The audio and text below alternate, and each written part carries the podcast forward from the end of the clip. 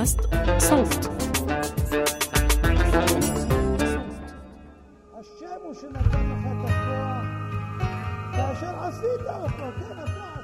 على سفح تل صخري بيوقف حاخام مقدسي ليبارك مشروع جديد بيعني كتير لليهود.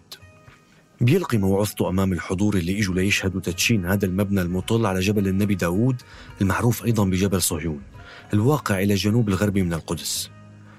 الكل عم يلقوا أنظارهم على بناء منخفض وطويل سقف مسند مثل أسوار القدس وفي سور محوط المبنى من جميع الجهات أنشئ لحماية السكان. الأبواب والشبابيك بتمتد على طول المبنى وتؤدي جميعها إلى 16 مسكن ومعبدين. جهزوا خصيصا لإيواء عائلات يهودية فقيرة.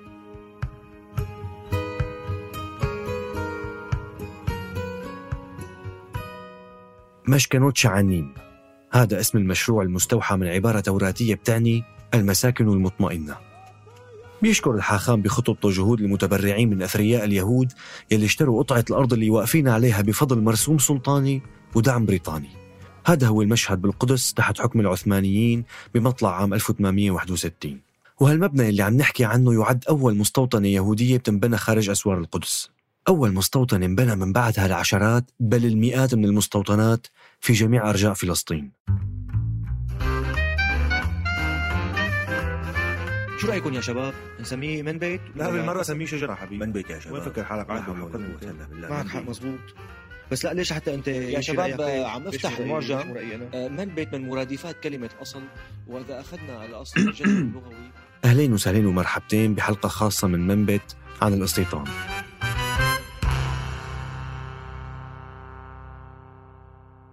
دائما لما بنحكي عن نكبة الشعب الفلسطيني بيكون الحديث مركز على سنة 1948 وكأنه ما في قبلها. كأنه النكبة حدث مفاجئ ما كان حدا بيتوقعه. لكن بالحقيقة النشاط الاستعماري الاستيطاني بفلسطين بدأ من وقت طويل. النشاط الممنهج والأحداث العالمية اللي دفعت بالمزيد من اليهود للهجرة إلى فلسطين كان وراها قوى سياسية ودعم مالي هائل. الفلسطينيين والعرب شعروا بجدية هذا التهديد من وقت مبكر. قبل النكبة بعدة عقود وبهالحلقة حابين نرجع للبدايات الأولى لولا المصرفي موسى مونتيفيوري وعلاقاته الواسعة ما كان قدر فقراء يهود القدس إنه يشتروا أرض بالمدينة بأموال أثرياء اليهود حول العالم. بوقتها كان مونتيفيوري أشهر يهودي بريطاني تربطه صلة وثيقة بالأراضي المقدسة. زار سبع مرات وبوحدة من زياراته مر على السلطان عبد المجيد الأول في إسطنبول. هذا الحكي بمنتصف القرن التاسع عشر. بمساعدة السفير البريطاني بالدولة العثمانية قدر مونتيفيوري يحصل على فرمان بتحله شراء قطعة أرض في فلسطين. علما أنه الأجانب بوقتها كانوا ممنوعين من شراء الأراضي. بمعنى آخر جرت عملية الشراء بالواسطة. بالبداية ما كانت النية أنه يبني مساكن شعبية. هذا بحسب الباحثة في الحركة الصهيونية والاستيطان إلهام الشمالي بموجب الفرمان العثماني كان لابد بناء مستشفى في هذا المكان. هذا المستشفى تحول بقدرة قادر إلى حي بناء على مين؟ بناء على توصيات يهود اليهود المقيمين في القدس. طبعا السلطان العثماني أوقف البناء ولكن تدخل القنصل البريطاني وأعيد البناء وتم إنشاء الحي اليهودي الأول في مدينة القدس. مع الوقت وبفضل من أرادوا إحياء إرث موشي مونتيفيوري كبرت المستوطنة لحتى صارت حي يعرف بيمين موشي في أواخر القرن التاسع عشر. هالحي مهد لتوسع اليهود في المدينة المقدسة البقعة اللي بتربطهم فيها علاقة دينية. بيستند اليهود بارتباطهم بالأراضي المقدسة إلى روايات توراتية ووعد إلهي بالعودة إلها هالعقيدة استغلها الأوروبيين منيح ومن زمان كتير. قبل بناء المستوطنة الأولى تعالوا نرجع بالزمن لورا لأوائل القرن التاسع عشر.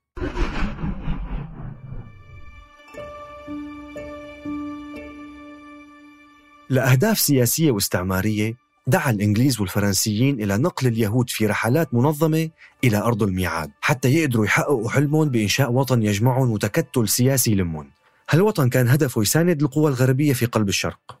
عدة حاخامات أيدوا هالدعوات. وبهذا الوقت كانت القوى الغربية عم تحاول ترسيخ وجودها بفلسطين بينما العثمانيين منشغلين في مواجهتهم مع محمد علي باشا في مصر.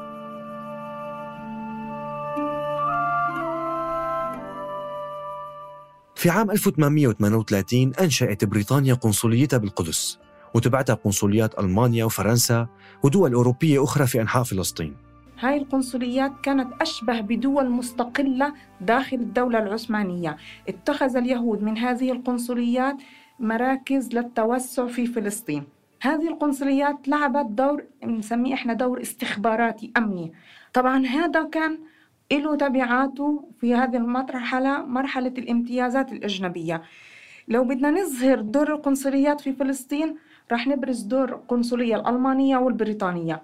بدأوا بمنح اليهود ومساعدتهم في شراء الأراضي والبقاء في فلسطين. بعد بكم سنة أنهكت الدولة العثمانية عسكريا بعد هزيمتها في حرب القرم أمام الإمبراطورية الروسية. وبسبب هي العوامل والظروف استغل الأجانب واليهود قوانين الانفتاح وحقوق الملكية والطابو اللي طرحت بهديك المرحلة. هذا قانون الطابو كان من أصعب القوانين يعني وقعا على أرض فلسطين وشعب فلسطين. عام 1858 أصدرت قانون الطابي بحجة تنظيم الأراضي وفرض الضرائب. والأهم إسراء خزينة الدولة العثمانية وأصبح أنه أي فلسطيني أو أي شخص موجود في فلسطين له قطعة أرض لابد أن يسجلها بموجب قانون الطابو. ألزم أي شخص إنه يحصل على سندات الطابو بمقابل إيش؟ بمقابل مبلغ مالي مقداره 5% من قيمة الأرض. الفلاح الفلسطيني لم يكن باستطاعته دفع هذا المبلغ وتسجيل أرضه. طبعا هذا القانون ترتب عليه أمران هما نشوء ملكية الملكية الخاصة وتفتيت الملكية العامة. أغلب فلاحي فلسطين فقراء لم يستطيعوا تسجيل أراضيهم. هذا أدى إلى السماح لفئتي الأعيان والتجار وتجار المدن بتسجيل مساحات كبيرة من أراضي فلسطين بأسمائهم. أملاك كبار الملاك اتسعت على حساب الفلاحين العاجزين؟ استحوذت عائلات فلسطينية وسورية ولبنانية ثرية على المساحات اللي ظلت دون تطويب عبر المزادات العلنية. نحن هون عم نحكي عن نفس الفترة اللي صار فيها مشروع مشكنوت شعنانيم اللي ذكرناه ببداية الحلقة. قائم وجاهز خارج أسوار القدس. بالعام 1878 قدر يهود أوروبيين وفدوا للقدس حديثا أنهم يشتروا أراضي تابعة لقرية ملبس قرب يافا. تبنوا المشترين الفكر الصهيوني اللي بدأ يشق طريقه إلى اليهود حول العالم. كانوا بيطمحوا يكونوا في طليعة المزارعين اليهود في الأراضي المقدسة. وهالطموح تحقق بشراء أكثر من 3300 متر مربع من تاجر يافوي ثري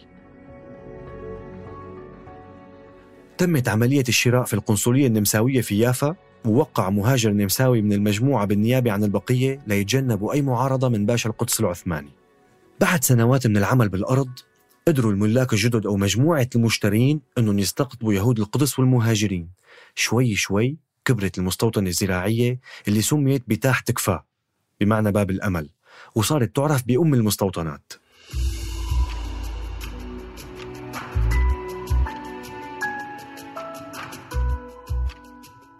إضافة إلى عمليات الشراء ومع النشاط المتنامي للمؤسسات الأوروبية الداعمة للاستيطان تمكن الاتحاد اليهودي المعروف بالأليانس من استئجار أراضي زراعية قرب يافا.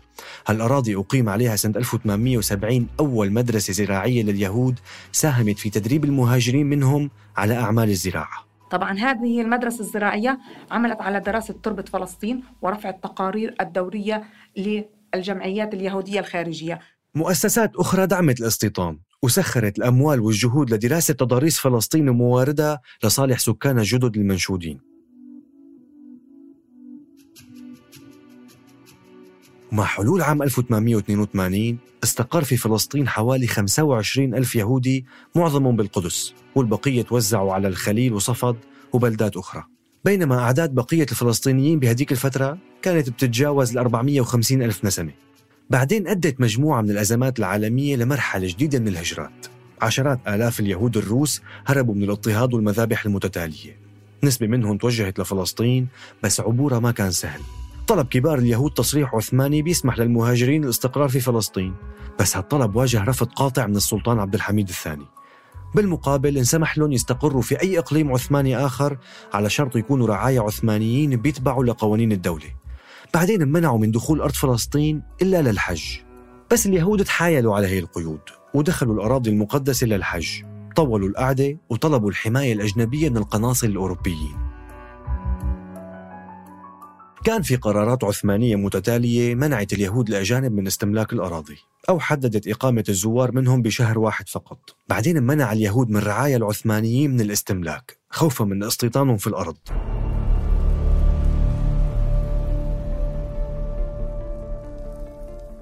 بقية اليهود الناجين من المجازر انتقلوا للغرب الأوروبي وهذا كان عبء على البرجوازية اليهودية هناك.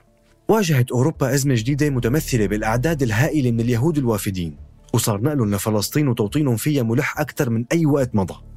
الباحث في شؤون الاستيطان خالد المعالي بيقول أنه الدوافع السياسية كانت واضحة. كانت غالبية هذه الهجرات تتسم بأن بأنها تأخذ طابع يعني آه، ملء فراغ. بمعنى طرد اليهود أو حصلت إشكالية في في روسيا سابقا بالنسبة لليهود فاضطروا للهجرة إلى فلسطين، حصلت إشكالية أيضا في مناطق شرق, أوروبا بالنسبة لليهود هاجروا إلى فلسطين، هذه الإشكاليات تتعلق بمواضيع سياسية أو اقتصادية أو حتى أمنية آه، رأت يعني حكام هذه الدول بالنسبة لروسيا أو شرق أوروبا أن المشكلة اليهودية لها دخل في النظام السياسي فبالتالي أرادوا التخلص من هذه المشكلة. فصار هناك حدث أن صار ضغط على اليهود رأينا هذا المشكل أو العامل السياسي أو الاقتصادي يدفعهم باتجاه الهجرة آه، لفلسطين لأن هناك آه، نظرة دينية في الموضوع غلفت بهذه يعني الحالة وبالتالي كانوا في توجهت أنظارهم بفلسطين أكثر من الدول الأخرى. بداية المنظمات اللي بدأت تظهر وترعى الهجرة اليهودية من روسيا وبولندا ورومانيا كانت جمعية أحباء صهيون. شكلت نواة الاستيطان. أسست مستوطنة ريشون لتسيون على مساحة من الأرض 3340 دنم بيعت بالمزاد العلني أرضها. أصحابها عجزوا عن دفع الضرائب المميتة من الدولة العثمانية. اشتراها القنصل البريطاني حييم إمزيليغ وحولها لليهود. لجأ بعض الفلاحين للأفندية والأغنياء في المدن لينجدوهم من الضرائب العالية على مزارعهم. إما اقترضوا منهم مصاري مع فوائد كبيرة أو نقلوا ملكية أراضيهم لإلهم وهم يضلوا فيها لفلاحتها وحصادها ما مرق وقت كتير قبل ما خسر الفلاحين أراضيهم لصالح الأثرياء وأبعدوا عنها قبل ما تتسرب للمهاجرين اليهود. في ثمانينيات وتسعينات القرن التاسع عشر اشترى اليهود عشرات آلاف الدنومات في أرجاء فلسطين. من صفد والكرمل شمالا إلى سهل الساحل ومناطق الوسط. أقيمت عليها المستوطنات وما سكنها إلا كم ألف من المهاجرين. البارون الفرنسي إدموند روتشيلد كان عراب هذا التوسع. روتشيلد ابن العائلة اليهودية الثرية دعم بسخاء بناء المستوطنات الزراعية وتمويلها. وبريطانيا كان لها دور مركزي في بيع الأراضي لليهود لأنه بعض عمليات البيع تمت من خلال القنصلية البريطانية في يافا. وفي قناصل أخرى نشطت في استملاك الأراضي والعقارات واللي ترتب عليه نقل ملكية مساحات كبيرة لليهود والأجانب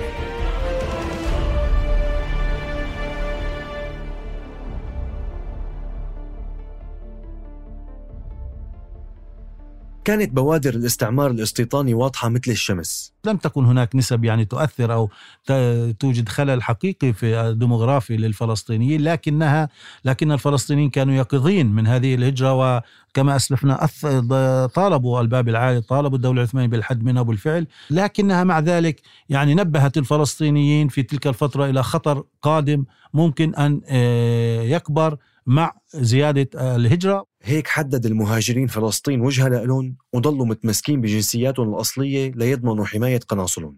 ما كانت الإدارة العثمانية المحلية كتير واضحة وتفاوتت إجراءات منع الهجرة والاستيطان بين التشديد والتجاوزات. جهود الاستيطان والهجرة كانت مشتتة وبحاجة للقاء يجمع صهاينة العالم في قاعة واحدة.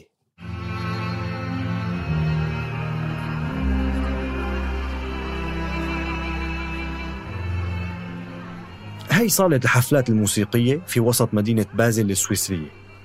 اليوم ما في حفل موسيقي كالمعتاد وإنما اجتماع بيحضروا رجال في غاية الأناقة ببذلاتهم السوداء وجرافاتهم البيضاء. نحن بنهاية شهر آب أغسطس من عام 1898 وهذا المؤتمر الصهيوني الأول وبيحشد 200 مشارك من المنظمات والجمعيات اليهودية في 17 دولة حول العالم. وبيرأسوا الصحفي النمساوي المجري ثيودور هيرتزل. عراب الصهيونية الحديثة شالوم عليكم my dear brothers and sisters بيفتتح هيرتزل المؤتمر وبيقول إنه مع الحاضرين رح يحط حجر الأساس للصرح اللي رح يقوي الأمة اليهودية يوما ما. بيوقف هيرتزل على منصة المؤتمر وبيعبر عن احتفائه باجتماع الأطياف اليهودية تحت سقف واحد ومن الأكثر تدينا ومحافظة للاكثر انفتاحا. كان شايف بهالموضوع دليل على إمكانية اجتماع في وطن قومي واحد، وبهداك اليوم تحولت الصهيونية لحركة سياسية قومية. حركة بتحشد لاستيطان منظم ويبدو أنها ما راح تتراجع عن هدفها الأساسي يلي هو إقامة كيان لليهود بحماية قانونية على أرض فلسطين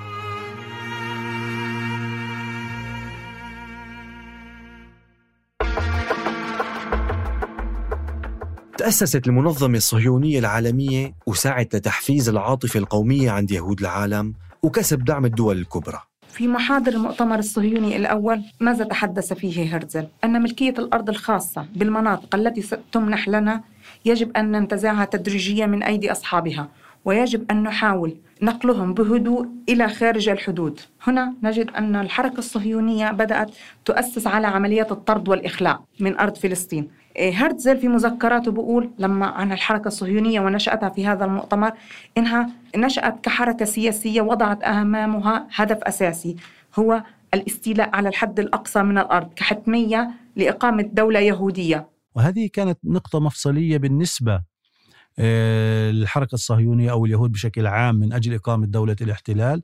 الفلسطينيين شعروا بالخطر من خلال هذا المؤتمر لأنه يعني آه، عندما يقول بأن الوطن القومي أو الوطن اليهودي في فلسطين هذا معناها أنه على حساب الفلسطينيين سيكون. وبالتالي استشعروا الخطر آه، وبدأت يعني الاجتماعات والمؤتمرات الفلسطينية من أجل مقاومة هذا يعني المشروع الصهيوني. ما كانوا الفلسطينيين وحدهم اللي حسوا بالخطر بل بادرت مجتمعات يهودية متدينة لرفض الصهيونية.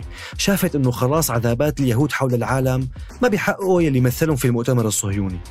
كان هذا امتداد لأفكار آمنت فيها مجموعات يهودية في السنوات السابقة. مو شايفة أنه في حاجة لاستعادة كيان اليهود التاريخي أو ضرورة للعودة إله أما المؤتمر الصهيوني فظل ينعقد بصورة شبه سنوية وما تراجع عن تحقيق أهدافه حتى مع موت هرتزل سنة 1904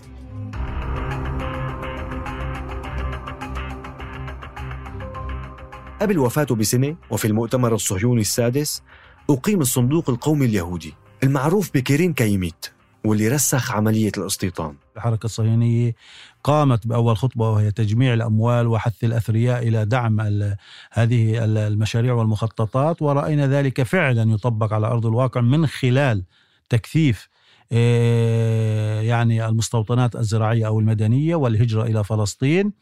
آه، ورأينا إنشاء صناديق آه، مالية أو لجمعيات الصندوق القومي اليهودي والكيرن كيرن كايمت الذي يعني كان له دور كبير جدا في شراء الأراضي في يعني استخدام أساليب كثيرة جدا من أجل شرائها. الصندوق القومي اليهودي الكيرن كايمت الذراع التنفيذي للسيطرة على أرض فلسطين وهذا أسس عام 1901 وكلف بجعل أراضي فلسطين ملكية عامة للشعب اليهودي. وفق ما ورد في التوراة أن هذه الأرض ملكي وحدي ولا يجوز بيعها. ملك لليهود.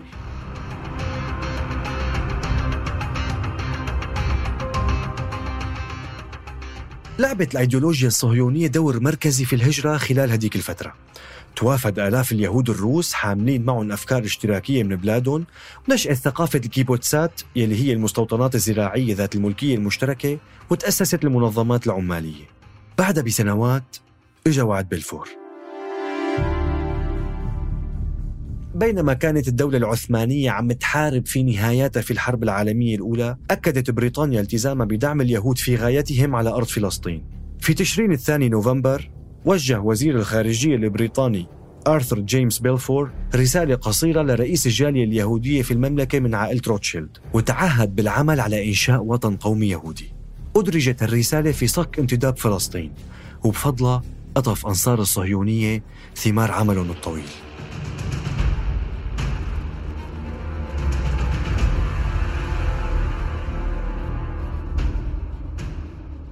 خسر العثمانيين فلسطين أمام قوات الحلفاء في أواخر الحرب بعام 1917 وتم وضع الحدود واقتسم الفرنسيين والإنجليز بلاد الشام. شيء طبيعي جدا في ظل انهيار العثمانيين أو ضعفهم وتشتت جبهاتهم وكثرة الحروب التي خاضوها في أواخر عهدهم وخسروها. هذا كله أدى إلى أن الهجرة اليهودية تزداد بفعل ضعف الرقابة والمتابعة والحراسة آه، لفلسطين لأن هناك كما يعني أسلف الانقضاء أصبحت أهم آه، للدولة العثمانية وللحفاظ على كينونتها والحفاظ على مركزها. وهذا بالفعل ما حصل. بالتالي رأيناهم يخسروا فلسطين وشجع ذلك في أواخر آه، الدولة العثمانية الهجرة اليهودية ورأينا أنها تزداد حقيقة. مع نهاية الحرب وصل عدد المهاجرين ل 80 ألف يهودي مقيمين في 50 مستوطنة متفرقة. وصار المشروع الاستيطاني يتوسع وكان بحاجة لدعم مالي أكبر. وجدت الحركة الصهيونية أنه العالم يتغير قدرتها المالية غير كافية. ومن خلال مؤسسة الصندوق القومي اليهودي الذي كان ألغى بعض صفقات لأنه لا يمتلك المال أرادت الحركة الصهيونية الجمع بين رأس المال الخاص وجمع التبرعات. من خلال مؤسسة الكيرن هايسود. الكيرن هايسود هو الجناح المالي للحركة الصهيونية. كيف؟ الصندوق القومي اليهودي مهمته شراء الأرض وتجهيزها وتس... ومن ثم تسليمها للمؤسسة الأخرى وهي الكيرن هايسود المكلفة ببناء البيوت والمستوطنات وبناء المدارس والمستشفيات بحيث يأتي المستوطن إلى فلسطين يجد البيت والمدرسة والعمل موفر له. مع المصادقة الدولية على الانتداب البريطاني سنة 1922 سمح لعشرات آلاف اليهود بالهجرة. الأمر اللي استدعى تنظيم للنضال الفلسطيني ضد الخطط الواضحة لاستيطان أرضه. في عهد الانتداب البريطاني ظهر نوعان من الكفاح الفلسطيني دعاة الخط السياسي ودعاة المقاومة والكفاح المسلح الفلسطيني. الطرفان اتفقا على مدى خطورة المشروع الصهيوني والخوف منه ولكن اختلفوا في تقديرهم للخطر الصهيوني. وكل فريق أصبح أنه يؤمن أنه طريقته وأسلوبه في مواجهة الاستيطان سيحقق النتائج. الذي قاد العمل السياسي اللي هم الملاك الكبار وملاك الصغار وجماعات أخرى من الأحزاب السياسية والمؤسسات والجمعيات ولكن العمل النضالي على الأرض قاده الفلاحون. بنفس الوقت نشأت عصابات صهيونية مسلحة للدفاع عن اليهود المستوطنين وممتلكاتهم.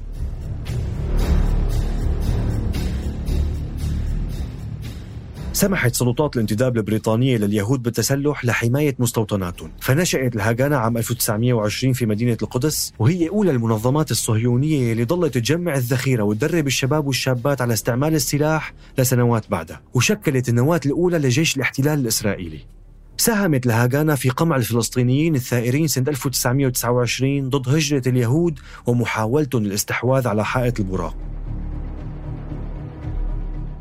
إضافة للنشاط المسلح قدرت الحركة الصهيونية تسيطر على مساحات شاسعة من الأرض باستغلالها للقوانين البريطانية.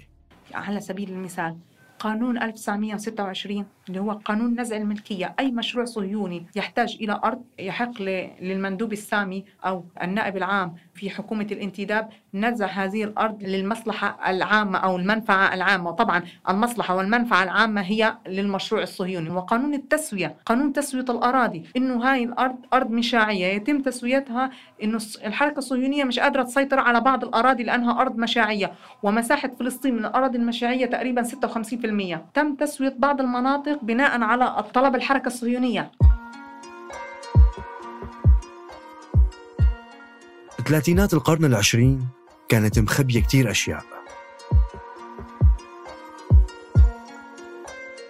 حتى منتصف الثلاثينات كانت محاولات الحركة الفلسطينية لإنقاذ الأراضي محدودة ومتأخرة.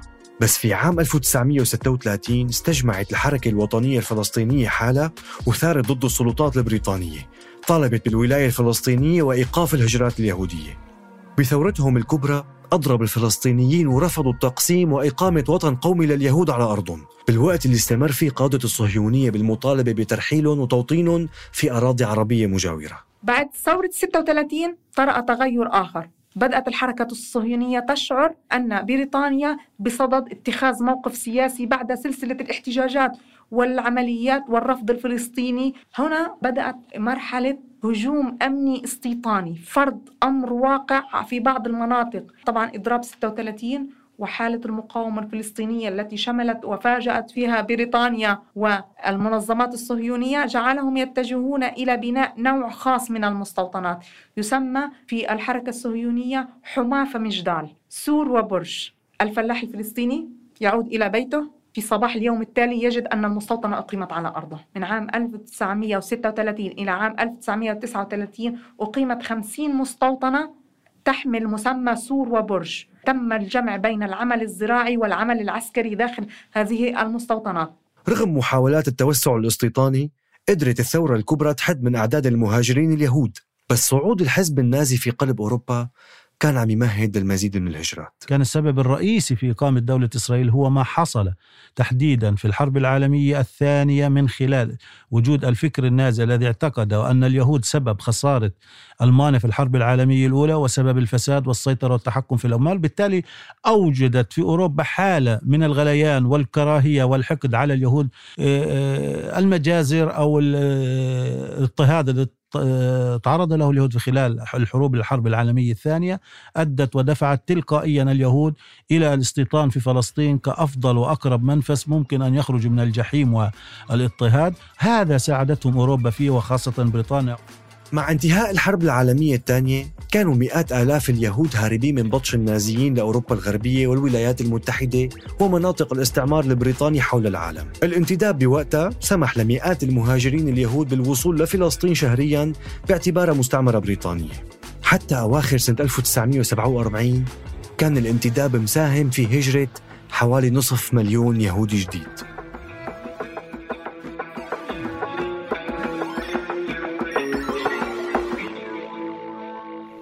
Resolution of the Dutch Committee for Palestine.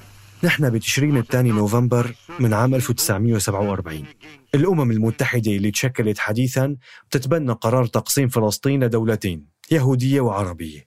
مع بقاء القدس تابعة لإدارة دولية.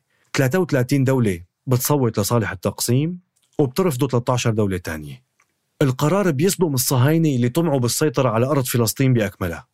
وبيثير غضب العرب يلي بيشوفوا في اعتداء على أرضهم وحقهم. عدد السكان العرب في فلسطين الانتدابية تجاوز المليون ومئتين وثلاثين ألف وعدد اليهود تجاوز 600 ألف. كان عدد الفلسطينيين أكثر من ضعفين عدد اليهود. الزعيم الصهيوني ديفيد بن غوريون بيشوف ضرورة في التخلص من الأعداد الكبيرة من الفلسطينيين يلي بيعيشوا في دولة اليهود الموعودة. العصابات الصهيونية بتدمر وبترتكب مجازر بحق الفلسطينيين بيستشهد فيها أكثر من 13 ألف على إيدين عصابة منظمة اللي هي الهجانة والعصابات الناشئة عنها مثل أرجون وشتيرن. مئات القرى والمدن الفلسطينية بتتعرض للحريق وبتدمر بيوتها وبيتعرض سكانها للترحيل لإحلال اليهود مكانهم.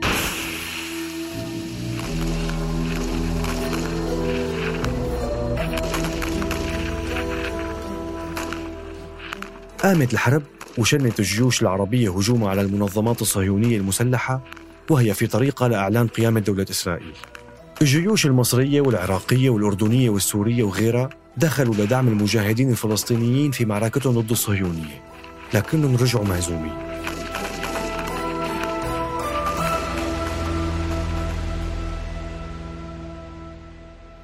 لا خذلوا لها في لأرض إسرائيل. في 14 من أيار مايو أنهى البريطانيين وجودهم في البلاد وانسحبوا منها قبل هالحكي بساعات أعلن ديفيد بن غوريون تأسيس الدولة اليهودية من دون ما يوضح حدودها وقف بهداك اليوم ووراه تدلى علم الدولة إلى جانب صورة كبيرة لمؤسس الصهيونية السياسية ثيودور هرتزل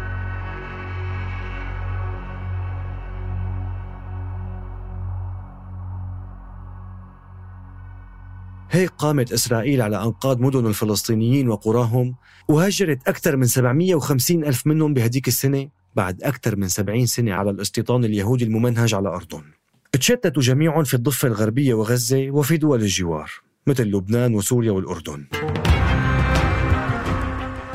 استولت الصهيونية على 77% من مساحة فلسطين الانتدابية يعني أكثر من 20 مليون دنم من أراضي الفلسطينيين.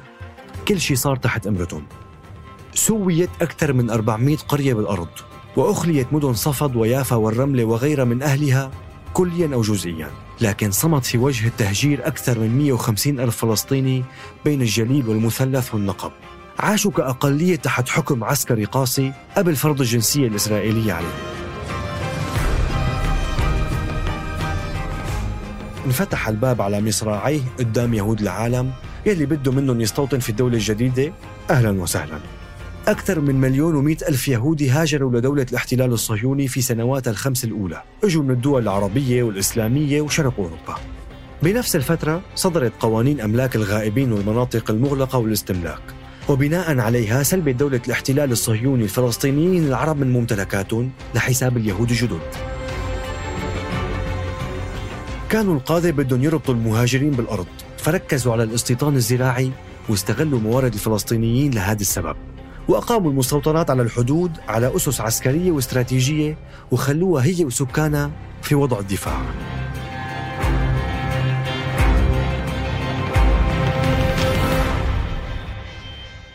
في الفكر الصهيوني هذا ما كان إلا كيان أقيم على جزء من أراضي إسرائيل التاريخية الموعودة وما كان قيامها إلا مرحلة في طريق تحقيق الأهداف الصهيونية. قامت حرب 1967 النكسة بست أيام هزمت جيوش الدول العربية أمام الكيان الصهيوني وعلى رأسها مصر والأردن وسوريا. فكر الفلسطينيين أنه خلاصهم كان قريب بس الاحتلال الإسرائيلي امتد لينهب كمان وكمان. احتلت الضفة الغربية والقدس الشرقية وغزة وسيناء والجولان العربي السوري. ونزح أكثر من مئة ألف فلسطيني عن أراضيهم ومثلهم أو أكثر من سوريين الجولان. صار الاستيطان ماشي بدعم من الحكومة الإسرائيلية نفسها وبتمويل من خزينتها بدل الاعتماد بس على المنظمات الصهيونية العالمية.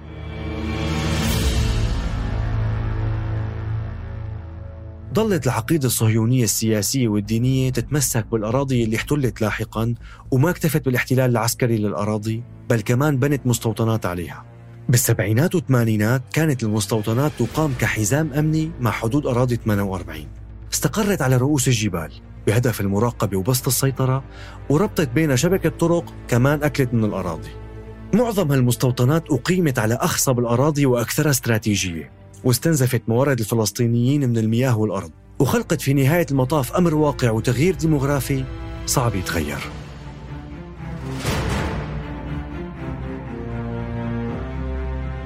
بعد انهيار الاتحاد السوفيتي وبين سنوات التسعين والألفين وصل لدولة الاحتلال الصهيوني شي 900 ألف مستوطن جديد من دول الاتحاد. في سنوات الانتفاضة الثانية اللي بدت سنة 2000 كان عدد المستوطنات الإسرائيلية المقامة على الأراضي 67 حوالي 170 مستوطنة.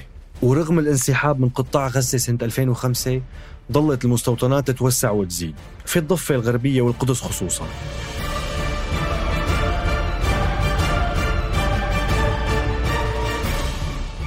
بيعيش حوالي 900 ألف مستوطن في الضفة الغربية والقدس الشرقية.